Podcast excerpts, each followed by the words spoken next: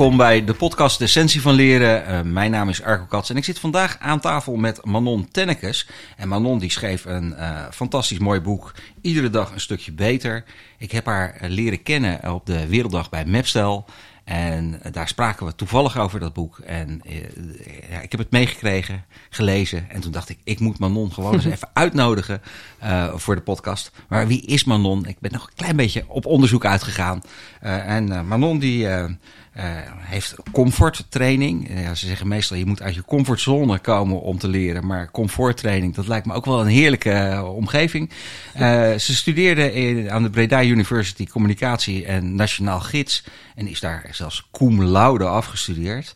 En toen heeft ze voor de VVV gewerkt, voor NIOW is ze accountmanager geweest op het gebied van trainingen, projectcoördinator bij Natuurmonumenten is ze trainer geweest waar ze voor een heel groot gedeelte uh, ook met, met BOA's gewerkt heeft of die getraind heeft. Tourism, of Tourism, ik weet niet hoe ik het moet uitspreken. Dat was haar eigen bedrijf op het gebied van trainingen. Uh, is docent communicatie bij Saxion Hogeschool.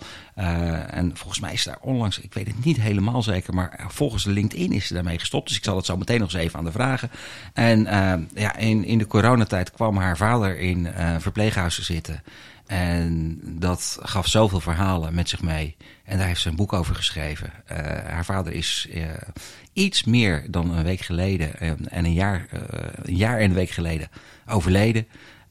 en nu zit jij hier aan tafel. Wat fijn dat je er bent. Heb ik jou een beetje goed voorgesteld? Ja, ik vind het mooi tot nu toe. Ja, en, en hoe is het met je? ja, goed. Want jouw vader, uh, schrijf jij in je boek heel mooi, die zei uh, ook heel vaak: hoe is het met je? Ja. En daarna de vraag erachteraan: maar hoe is het nou echt, echt met, met je? je? Ja. En hoe is het nou echt met je? het, is, uh, het is echt goed met me. Ja. Um, ik vind goed een raar woord. Vind ik sowieso een raar woord, want wat betekent dan goed? Um, en dat was ook de kunst van mijn vader om daar dan op door te vragen: van wat gaat er goed? Ja. Um, en wat gaat er minder goed? En daar kwam meestal dan ook een heel mooi gesprek uit. En ja, dat is iets wat ik ja, onthouden heb. Het, het, hetgene wat mij altijd opvalt als je het hebt over het woordje goed, mm. dan staat het woordje fout daartegenover. Ja.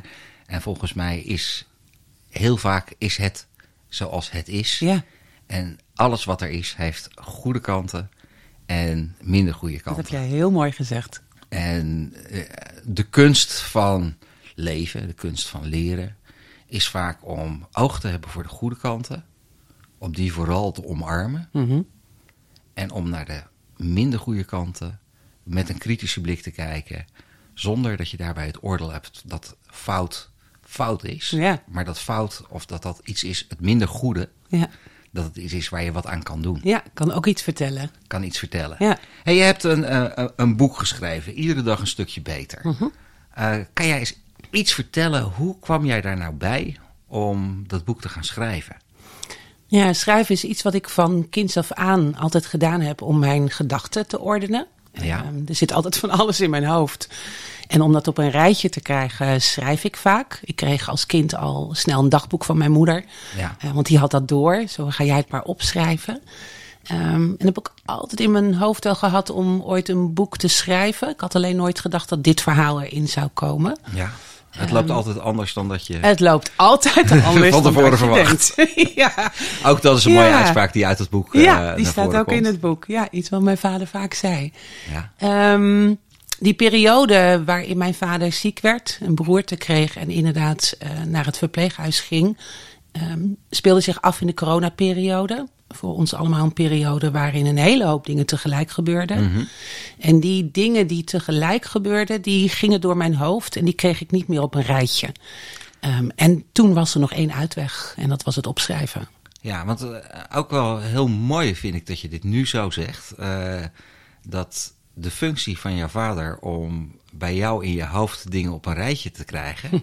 dat beschrijf je mooi in het boek. Uh, dat, dat dat een van de dingen is waar, waar hij jou altijd bij hielp. Als jij het niet meer zag zitten, wist hij. De, door een paar vragen wist hij die dingen op een rijtje te zetten. Dat je dat eigenlijk gewoon, dat dat boek die functie overgenomen Zeker. Ja, zeker. Ik heb ook het boek geschreven door de ogen van mijn vader. Um, Ja. Ik heb geprobeerd om vanuit um, de man die hij was. Um, te kijken wat hij mij eigenlijk geleerd heeft. Wat zijn levenslessen waren die hij aan mij overdroeg. Ehm, en het opschrijven was inderdaad het op een rijtje zetten, letterlijk en figuurlijk. Ja, wat mooi. Ja, ja. Dus het, het, nou, deze podcast heet dan de essentie van leren. Mhm. Eh, je zegt nu ook heel mooi wat, wat hij mij geleerd heeft. Ja. Hoe, hoe belangrijk is zijn rol geweest in, in, in de vorming van jou en hoe jij aankijkt tegen leren? Hmm.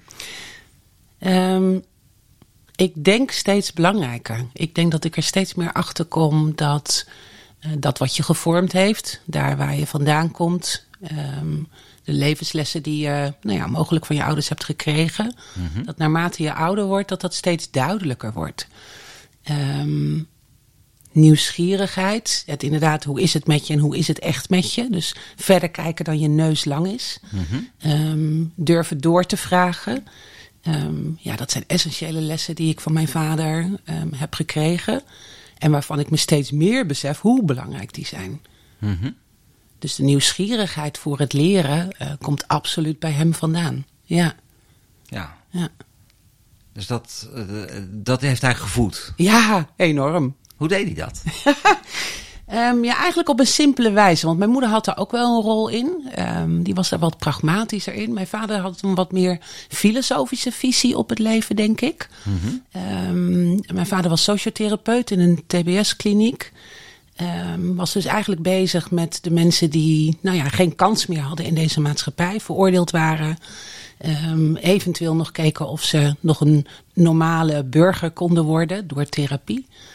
Ehm, en mijn vader had daarin altijd al een visie dat ehm, het verhaal achter het verhaal belangrijk is. Dus dat mensen dingen doen in hun leven of tot daden komen, of, of, hè, maar dat er altijd iets achter zit. Een emotie achter zit, een verhaal achter zit. Dat ehm, mensen gevormd zijn, hun klei gekneed is tot wie ze nu zijn. Ehm, en die nieuwsgierigheid van wat zit daar dan achter en, en waar komt dat vandaan? En welke invloed heeft dat op het leven van nu?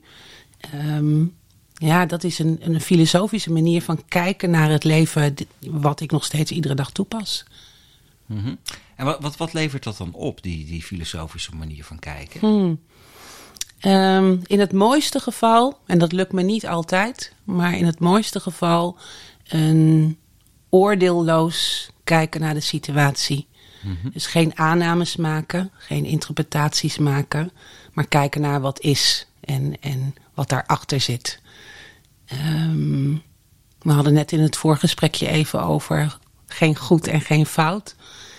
Ik geloof heel erg dat als je oprecht geïnteresseerd bent, ehm, dat er geen goed of fout bestaat. Er zijn verschillen. Mhm. En we kunnen tegen dingen anders aankijken. Maar goed of fout zijn eigenlijk lege woorden. Ja, het, zijn oordelen Ja. die. Nou, eh, ik vond dat, dat. Dat was voor mij heel vaak het, het gevoel dat ik had van. Inderdaad, dat klopt. Goed en fout bestaat eigenlijk niet. Dat is maar net hoe je er tegenaan kijkt. Ja. En vanuit het perspectief van de dader is het slachtoffer vaak fout. Ja. En vanuit het perspectief van het slachtoffer is de dader vaak fout. Ja. En vanaf het perspectief vanaf de buitenkant eh, zit er ook altijd een, een, ergens een logisch verband tussen het gedrag van de dader en het gedrag van de slachtoffer. Ja. Als je die bij elkaar in. eh, eh, de, de, dus ja, je, je kan er ordeloos naar kijken. Ja. En toch hebben we op een of andere manier meegekregen eh, dat we oordelen over dingen. En dat is- schijnt ook een functie te hebben. Ja, het is, een- ik ben erachter gekomen, ook tijdens het schrijven van het boek, dat die oordeelloosheid zeker ook valkuilen heeft. Ja. Hè, als je vanuit de filosofie dat er geen goed of fout bestaat en dat je altijd ehm, ehm, nou ja, wilt onderzoeken wat er dan de oorzaak van is of wat de achterliggende gedachte is, dat je ook op moet passen dat je niet meningloos wordt. Ehm, en, hè, ik merkte bij mezelf in die heftige periode, ook, ook als het ging om vaccineren, als het ging om de lockdownmaatregelen, ehm, dat ik vanuit die filosofie daar geen mening over wilde hebben. Ehm, maar geen mening hebben heeft ook weer een risico dat je je gevoel dus uitschakelt. Ehm, en dat heb ik wel ervaren. Dat ik op een gegeven moment in een soort van status kwam. ehm, waarin er zoveel gebeurde waar ik geen mening over wilde hebben. Waar ik alleen maar naar wilde kijken. Ja. Wat ik wilde beschouwen. Dat ik dacht van ja, maar ik heb zelf ook nog gevoel. Ik, ik Ja, en- heb en- ook een mening. En, en, en dan kan het, dan kan het een, een, een, eh, blokkade opleveren. Jazeker. Op het gebied van, eh, ik noem wat, boosheid. Ja, bijvoorbeeld heel- emotie. Dat ja. is een emotie die kan naar boven komen. Je kan Ja. onwijs boos zijn als je iets overkomt. Ja, Ik kan me voorstellen dat je onwijs boosheid gevoeld kan hebben. Mm. Op het moment dat je niet naar je vader toe mocht. Eh, omdat die lockdown-maatregelen. eh, daar, en tegelijkertijd stapte je toen, zo zet je in je boek ook neer. Stapte je in de situatie van acceptatie ja. en overleven. en overleven. Ja. eh, waarbij die boosheid misschien ook wel een klein beetje weggestopt werd, Geparkeerd werd. geparkeerd werd. ja.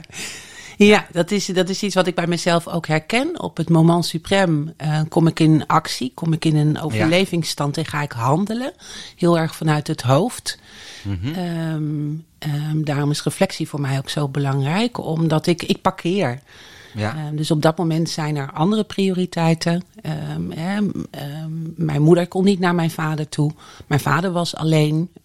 Terwijl hij net een beroerte had, werd hij opgesloten.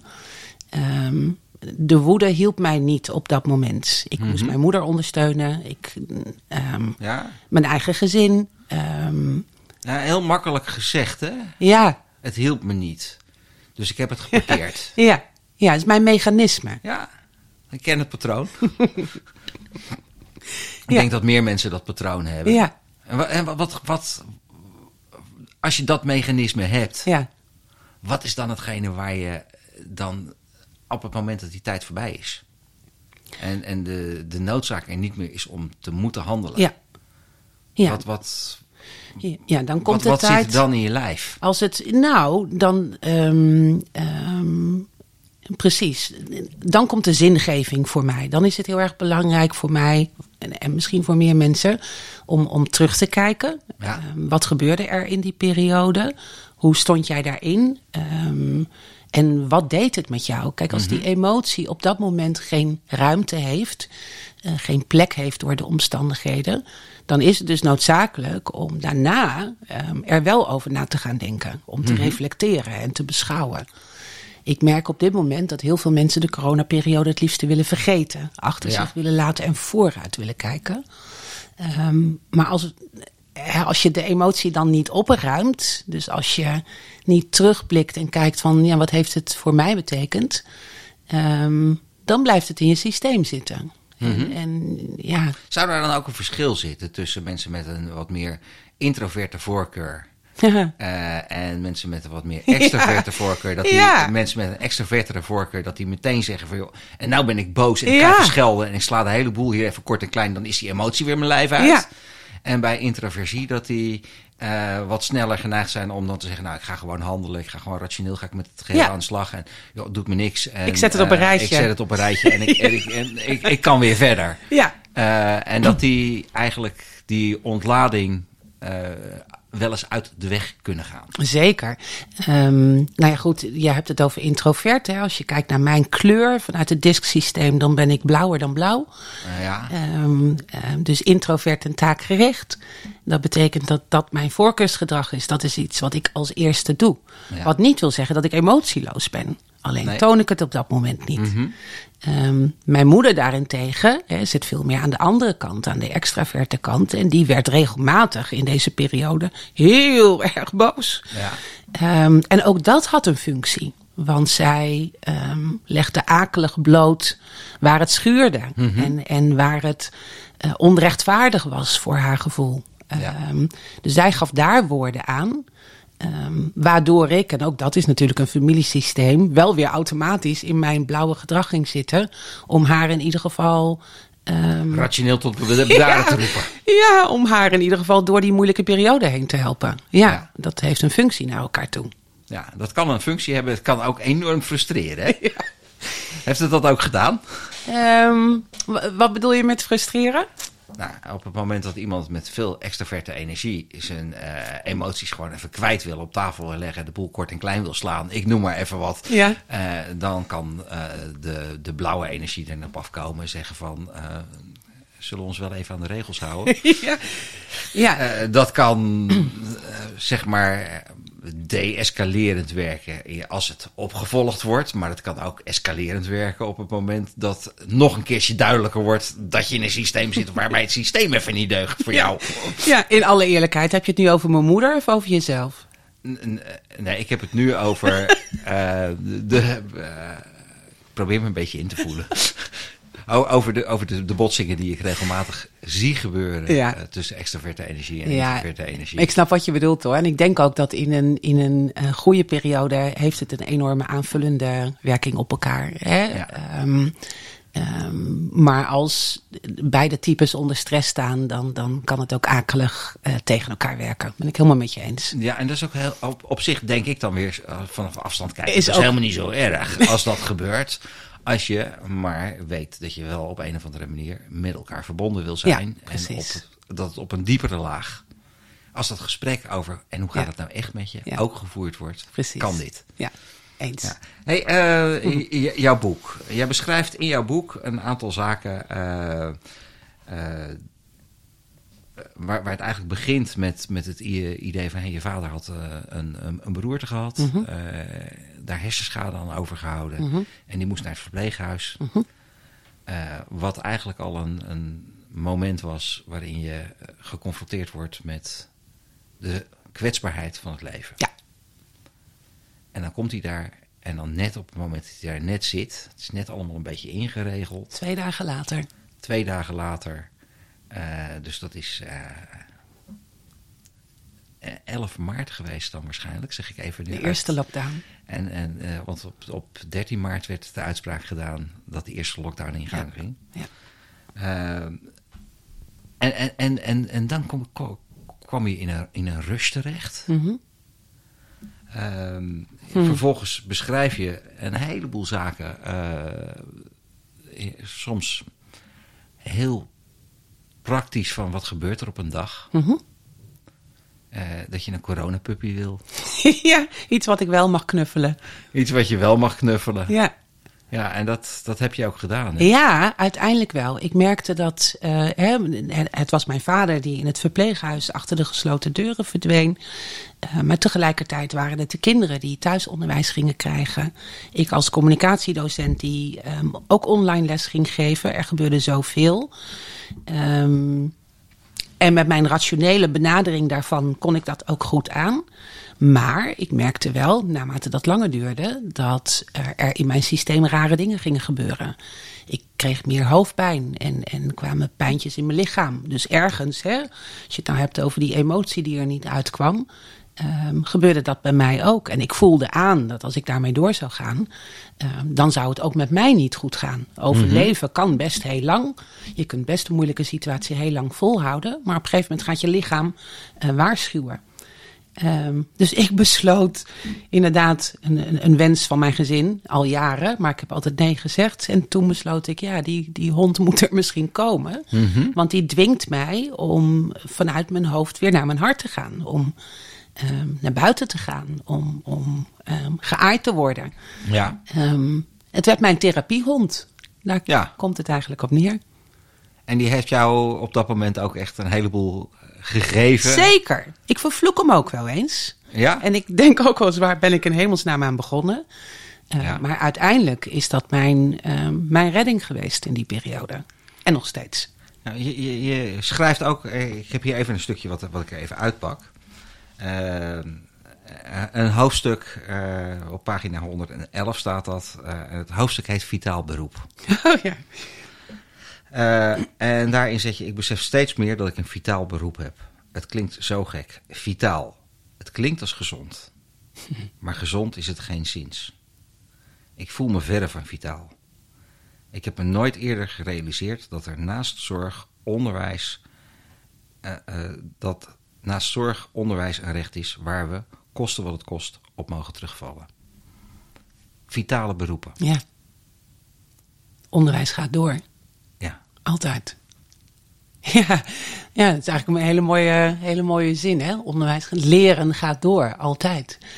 Um, ja, ik heb me dat nooit gerealiseerd. Dat, dat, dat het onderwijs voor kinderen ehm, en, en studenten een, een recht is. Dus een, ja, of het nou een oorlogssituatie is of een, een, een crisissituatie zoals de corona. Ehm, zorg gaat door, en onderwijs ook. Wij gingen ook van de ene dag op de andere dag online en, en moesten door. Ehm, wat ik daarbij jammer vind, als ik dat, Ja, mag ik dat zeggen? Tuurlijk. Ik bedoel, Wat ik daarbij jammer vind, is dat ons onderwijssysteem ehm, weliswaar een recht is. Alleen de vraag is wel of ons onderwijssysteem zo is ingericht dat het ook dienend is aan het leren. Snap je dan wat ik bedoel? Ik snap hem. Eh, ik, ik, ik heb zelf ook een, een jaar of vier in het hoger onderwijs lesgegeven. Ja. En ik vond het bezig zijn met de studenten Ja, vond ik fantastisch. juist. Met ja. name eigenlijk niet eens zozeer hetgene wat er nou aan stof, Aan stof? geleerd werd. Precies. Maar het bezig zijn met, met mensen die vol in hun ontwikkeling Ja. staan. Om hen ogen te openen en te zeggen van het draait niet om de cijfertjes die je eruit haalt. Maar het draait om Mhm. Wie jouw ontwikkeling. Ja. En om wie jij bent als mens. Ja. En eh, daar zit de belangrijkste kern in. Ja. En tuurlijk moet je af en toe eh, zeg maar tegen een, onvoldoende aanlopen. Dat voelt als een enorme bestraffing. Mhm. Maar dat is helemaal niet erg. Alleen kan je iets dan gewoon nog niet. Punt. Nee, precies. Waar sta je nu? Waar sta je nu? Het is gewoon een, een, een, het is Een geen thermometer. oordeel over. Nee. Doe je het goed, doe je het niet goed? Nee, Ja. Je kan het nog niet. Ja, precies. En dat mag je dan eventueel gaan leren. En je kan ook op een gegeven moment besluiten om toch wat anders te gaan doen. Ja. Dat even de, de- ja, dan zijn we het helemaal eens. dat, dat was mijn, mijn beeld daarbij. En, en in dat onderwijssysteem staat niet het leren centraal, maar staat in mijn ogen het presteren, Presteren centraal. centraal. Ja, En zodra je de prestatie centraal zet, stopt het leren. ja Daar heb ik exact. met Frank Deuring eh, in de vorige podcast ook een uitgebreid gesprek over gehad. Over de eh, eh, growth mindset en de fixed mindset, Ja. de leerstand of de presteerstand. Ja. En, maar om even terug te gaan vanuit Mhm. daar, want ik vind het heel mooi wat je zegt, dat leren, dat hoort tot, tot het grondrecht. Ja. En het lijkt alleen af en toe wel eens een keer dat presteren tot een grondplicht Ja, ik denk dat we, en, en dat is ook iets wat, ehm, en dan kom, sorry dat ik iedere keer terugkom op die periode, ehm, maar het kwam door de naden en de kieren naar buiten, dat onze systemen ehm, doorgeschoten zijn. Hè, dus daar waar onderwijs ooit voor bedoeld was, is, is door die prestatiedruk, maar ook door ehm, de financiën, dat scholen geld krijgen naarmate ehm, ze geslaagde kinderen afleveren. Ja. En dus daarop sturen, want anders krijgen ze die subsidie het jaar daarop niet. Ehm, dat geldt natuurlijk voor de zorg ook. Daar zijn we ook in doorgeschoten. We zijn niet meer bezig om ehm, kwaliteit van leven te bieden, maar we willen mensen Efficiënte zorg geven. efficiënte zorg geven en ehm, zijn erop gestuurd mensen in leven te houden. Dat heeft niks meer met kwaliteit van leven te maken. Dat heeft te maken met welke medicijnen heeft iemand nodig om niet te overlijden. Ehm, dus onze, we gaan voor mijn gevoel op dit moment een beetje ten onder aan de systemen en de protocollen die we zelf hebben gecreëerd. Ehm, en dat geldt op meerdere vlakken. Zie, je, zie je dat dan ook zo dat zeg maar, het eh, bijna verboden is om dood te gaan? Onbewust denk ik dat wij het systeem zo hebben ingericht dat doodgaan een ver van ons bedshow is. Ja, terwijl dat Ja. een wezenlijk onderdeel van leven is. Ja, maar we hebben niet geleerd meer ehm, om daarmee om te gaan. Een klein voorbeeldje. Ehm, vroeger werd een begrafenis in een dorp zelf geregeld. Ehm, we steunden elkaar. De een maakte een pan soep. De ander ging aan de slag met dingen voor de begrafenis regelen. Ehm, op een gegeven moment komen er natuurlijk organisaties die een stukje ontzorging kunnen geven. Hè, zoals Ja. we dat noemen. Maar daarmee komen wij steeds verder af te staan van de dood. Want het wordt ons uit handen genomen. Rituelen worden ons uit handen genomen. En rituelen hebben we nodig om ook aan verwerking toe te komen. Ehm, dus enerzijds door mensen in leven te laten. Hè? Dat we dat, en dat is natuurlijk prachtig hoor, dat we dat Ja. kunnen. Ehm, maar dat we daar zo ver in doorgeschoten zijn dat als mensen geen kwaliteit meer van leven hebben, we ze toch in leven houden. Ehm, we zijn verleerd om met de dood om te gaan. Ja, en, het zit niet meer in onze cultuur. misschien ook de prijs die ervoor betaald wordt. Eh, dat, dat, want eh, eh, neem die hele periode dat de, de verpleeghuizen ineens volledig afgesloten waren. Op dat moment is er een enorm zware prijs die betaald wordt op het gebied van affectie. Ja, zeker. En ik kan me heel goed voorstellen dat op het moment dat je in, in Den Haag zit en er komt een, een, een drama op je af, Ja, dat je keuzes maakt. Ja. Eh, waarbij je achteraf ook kan zeggen van ja, was dit een goede keuze? Mhm. Eh, op dat moment denk ik dat, dat de meeste mensen gehandeld hebben van hé, er wordt hier geblaft. Ja, ik denk dat er iets er staat iemand aan de deur. Eh, eh, ja, ik denk dat er een pakje bezorgd wordt voor de buren. Eh, dus laat dat maar gewoon even bij de buren komen. We doen net of dat we er niet zijn. We zitten in een podcast. Heerlijk zo'n zo'n verstoring tussendoor. Ja, Dat is het leven, hè? Ja, niets gaat zoals je het van tevoren verwacht hebt. Ook al organiseer je een hoop dingen. Precies. Ehm, waar was ik? Ehm, De overheid, ze moesten een belangrijke ze beslissing moesten nemen. beslissing nemen Ja. en daarin zijn een aantal afwegingen genomen. En Mhm. op dat moment eh, is dat een keuze geweest. Ja, Oké, hoog springen, laag springen. eh, dat was gewoon hetgene wat er op dat moment besloten was. Ja. Eh, en dat men daar achteraf lessen uit kan leren. En zegt Mhm. van nou, mochten we een volgende keer zoiets weer tegenkomen. Mhm. Nemen, nemen we dan die lessen mee? Wordt, heb jij het Mhm. gevoel dat daar ook voldoende aandacht voor is om, om die reflectie en de lessen Nou ja. te halen? Want dat, dat er fouten in gemaakt zijn, dat is, vind ik heel normaal. ja. Vind ik ook niet erg. Nee, neem ik ze ook niet kwalijk. Zeker niet. Dat, we wisten niet wat ons te wachten stond. Ehm, ehm, of er voldoende gereflecteerd wordt, of er voldoende nagepraat wordt, ehm, dat is mijn vraag. Ik geloof niet dat het op dit moment onze prioriteit is om die lessen daaruit te leren. Ik hoor af en toe wel iemand zeggen: hè, dat mag nooit meer gebeuren. Ehm, maar ik denk dat we daar meer aandacht aan mogen Is- besteden. Ik denk dat als we willen leren. Ja, Ehm, is, dat- is dat in jouw ogen veranderd in de loop der tijd? Dat we minder aandacht hebben om echt de les te pakken? We hebben minder aandacht en we hebben minder tijd om stil te staan. Ja. Ehm, dus het bewust stilstaan en, en hè, even door je achteruitspiegel eh, te mogen kijken. Ehm, ja, ook daar is weinig tijd voor. En dat heeft in mijn ogen heel erg met die transitie te maken. En we komen heel erg vanuit die prestatiemaatschappij, wat jij net ook al aanhaalde. Ehm, en, hè, tot nu toe draait veel nog om, om, om economie, om geld. Je merkt dat het begint te schuren. Je merkt ook dat het zo niet langer door kan. Dus we, we, we zullen wel. Maar we zitten nog met één been in dat oude systeem. En dat oude systeem zegt we moeten door. Schouders eronder. Ehm, hè, die economie die moet groeien. Ehm, ehm, dat is ook wat wij vanaf de oorlog ehm, elkaar hebben wijsgemaakt. Hè? Het moet altijd nog een stapje beter. Ja. Het moet altijd een stapje meer. Ehm, maar je ziet nu dat de systemen gaan, ja, in mijn ogen, gaan klappen. Het, het kan zo niet langer. Jouw boek heet Elke dag een stukje beter. ja, heet niet titel. elke dag een stukje meer. Nee, maar iedere dag een stukje beter is ook iets wat mijn vader vroeg als ik vroeg hoe het met hem ging. En Ja. ook dat was een, is ook een mentaliteit. Hè? Ehm, dus het niet aangeven dat het niet zo goed gaat. In die zin kon mijn vader heel goed naar anderen vragen hoe het met iemand is. Ehm, terwijl hij het wat minder goed op zichzelf kon toepassen. Ja. Ik wil er nog even een, eh, een klein stukje uithalen. Leuk. Eh, in de maanden die volgden, na jouw beroerte, echode mijn eigen vraag steeds weer in mijn hoofd. Papa, geïsoleerd door corona. In zijn eentje op de afdeling, in zijn eentje in zijn gedachten, op zoek naar een manier om ze weer op een rijtje te krijgen.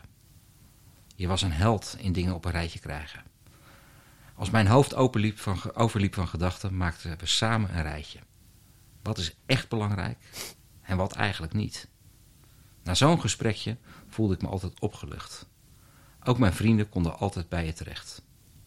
Om hun gedachten te ordenen of even te ontsnappen aan de druk van de buitenwereld. Altijd zonder oordeel, hoe gek de situatie ook was.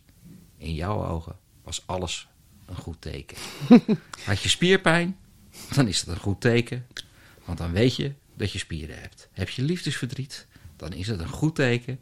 Want dan weet je dat je van iemand kunt houden. Voel je je machteloos, dat is mooi. Want dan weet je dat je kunt voelen. Mooi hè?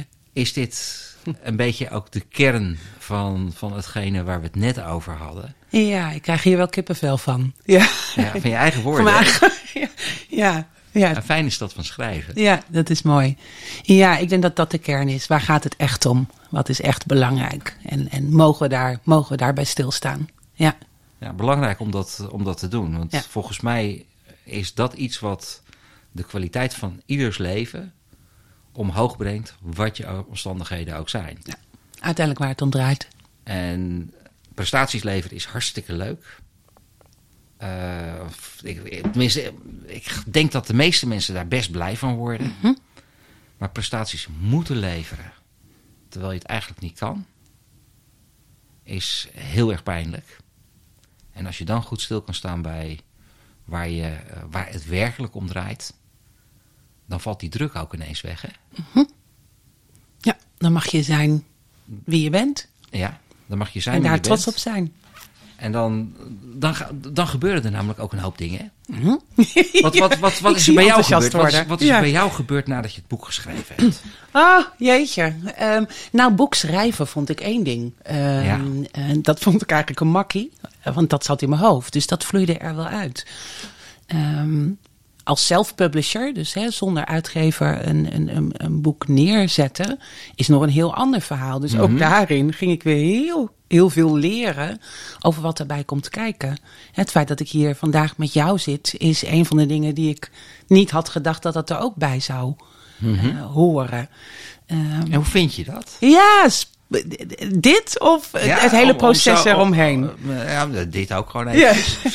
Ehm, lastig, leuk en lastig. Ik, ik vind het praten, nou dan kom ik weer hoor met mijn blauwe energie. Ik vind het praten over de inhoud vind ik heel erg leuk, omdat het zinvol is. Ja. Omdat ik hoop dat ja, de, de, nou ja, de kleine reflecties en lesjes die in het boek verstopt zitten, dat ik daar andere mensen mee kan helpen. En dan ga ik allemaal vragen stellen over wat het met je doet. Nee, dat geeft niet. Ehm, want dat is goed voor mij. Dat, dat is prima. Wat ik lastig vind zelf is dat. ehm, dat ik ook op de voorgrond moet treden. Snap je wat ik daarmee bedoel? Dus het, het, hè, het boek is het verhaal. Daar, daar zit mijn ziel en zaligheid in. Ja. En die koppel ik los van mij als persoon. Ehm, personal branding, hè, wat, wat je nu zoveel hoort. Ik vind het verschrikkelijk dat Ja. je foto's van jezelf zou moeten maken om iets onder de aandacht te brengen. Ehm, tegelijkertijd zit daar mijn les van ehm, hoe combineer ik nou mijn zijn en Ja. wie ik ben met het product wat ik lever. Nou, Ja, dat maar je- is ja, mijn ja, volgende. ja, ja, jij mag ook best zichtbaar zijn. Nou, eh, eh, ehm, ik vind dat in een training geen probleem, want dan ben ik in functie. Ja. Ik vind dat met het boek vind ik dat weer een ander verhaal. Ik vind nog een zoektocht van ja, is, raakt dat een, een stuk kwetsbaarheid? ja, ja, ja, dat denk ik wel. Ja. Ja. Ja, met de billen bloot, denk ik, hè? Zoiets. Ja. ja. ja. En dat is oké, maar dat is wel weer een nieuwe fase. Dat is wel ehm, voor mij heel boeiend hoe ik dat, hoe ik dat doe. En, en ik moet ook heel hard lachen om mezelf af en toe. Ja. Ja. Waarom? Ja, ook omdat ik een beetje van zelfspot hou. Eh vind het ook leuk om ehm, daar met een afstandje naar mezelf te kijken. Van, waar ben je nou dan mee bezig, Tennekes? Mhm. Ehm, ja, Ook eh, zo mooi zoals dat je jezelf dan bij je achternaam. Hè? Gewoon even mezelf objectiveren in plaats van... eh, ja. Dat, dat, dat, dat stukje. Maar, maar eh, nog even terug op, Mm. op wat, wat, wat gebeurt er dan allemaal... op het moment dat je zo'n boek uitgegeven hebt eh, en je bent daarmee bezig. Nou, weet je, je eerste boek in handen hebben is een magisch moment. Ja. Ehm, ehm, dat zal ik ook nooit vergeten. Ik, ik denk dat dat het allerleukste was. hè. Mhm. Even los van wat daarna kwam.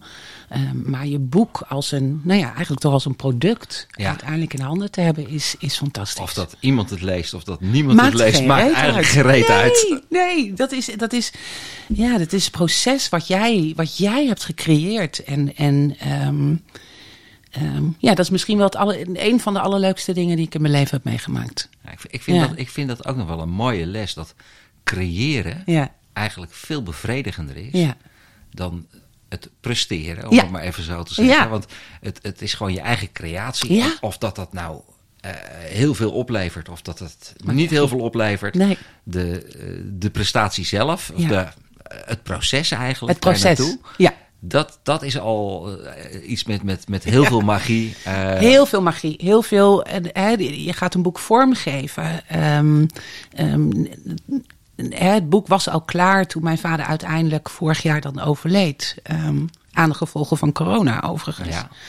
Ehm, en op dat moment dacht ik, oeh, de kaft moet anders. En, ik kwam helemaal weer in een nieuw proces waarin Ja. ik een foto van hem of van mij of van ons samen. Hè, dus in dat rouwproces was ik weer helemaal bezig met die kaft te herontwikkelen. Ehm, ik belde mijn, mijn, mijn, mijn vormgeefster op en eh, mijn redacteur. En ik wilde alles op de schop gooien. Eh, achteraf hoorde dat heel erg bij mijn, bij mijn proces. Ja. En achteraf kwam ik terug bij de omslag waar, Waar je ik mee begonnen begonnen was. ja. Ja. ja, zo gaat dat. Ja, vaak is dat eerste wat naar boven komt, Ja. is beter dan alles wat er daarna komt. Precies. Ja. Hey, ehm, eh, heel mooi. Ik, ik, ik wil eigenlijk hier nog even het. Achterin staat dan het allermooiste wat je kan, of het mooiste wat je kunt achterlaten. Zijn sporen van liefde. Eh, en je schrijft daar, eh, nu hij er niet meer is, is het boek zijn nalatenschap met een missie. Ja. Het verhaal over hersenletsel, eh, een waardig bestaan, de druk op de zorg en het recht om te sterven. En evengoed reflecteren op de enorme impact van corona op jongeren, het onderwijs en op ons allemaal. Onze neiging om niet meer achterom te kijken en door te gaan, met het risico dat echte veranderingen niet plaatsvinden. En juist daarom schreef ik dit boek. En eh, ja, ik, ik denk dat eh, als je dit boek wil. eh, ik, ik zou het eigenlijk gewoon iedereen aanraden om dit boek gewoon ook eventjes te gaan lezen. Maar hoe komen mensen aan dit boek? Ehm, via de bekende boekhandels, via bol.com. En het kan ook via de website iedere dag een stukje beter.nl. Iedere dag een stukje beter.nl. Eh, daar kan je terecht eh, voor het boek. Je kan hem dan bestellen. Eh, ik zou zeggen, ga hem gewoon lezen, want er staan echt een heleboel hele waardevolle lessen in.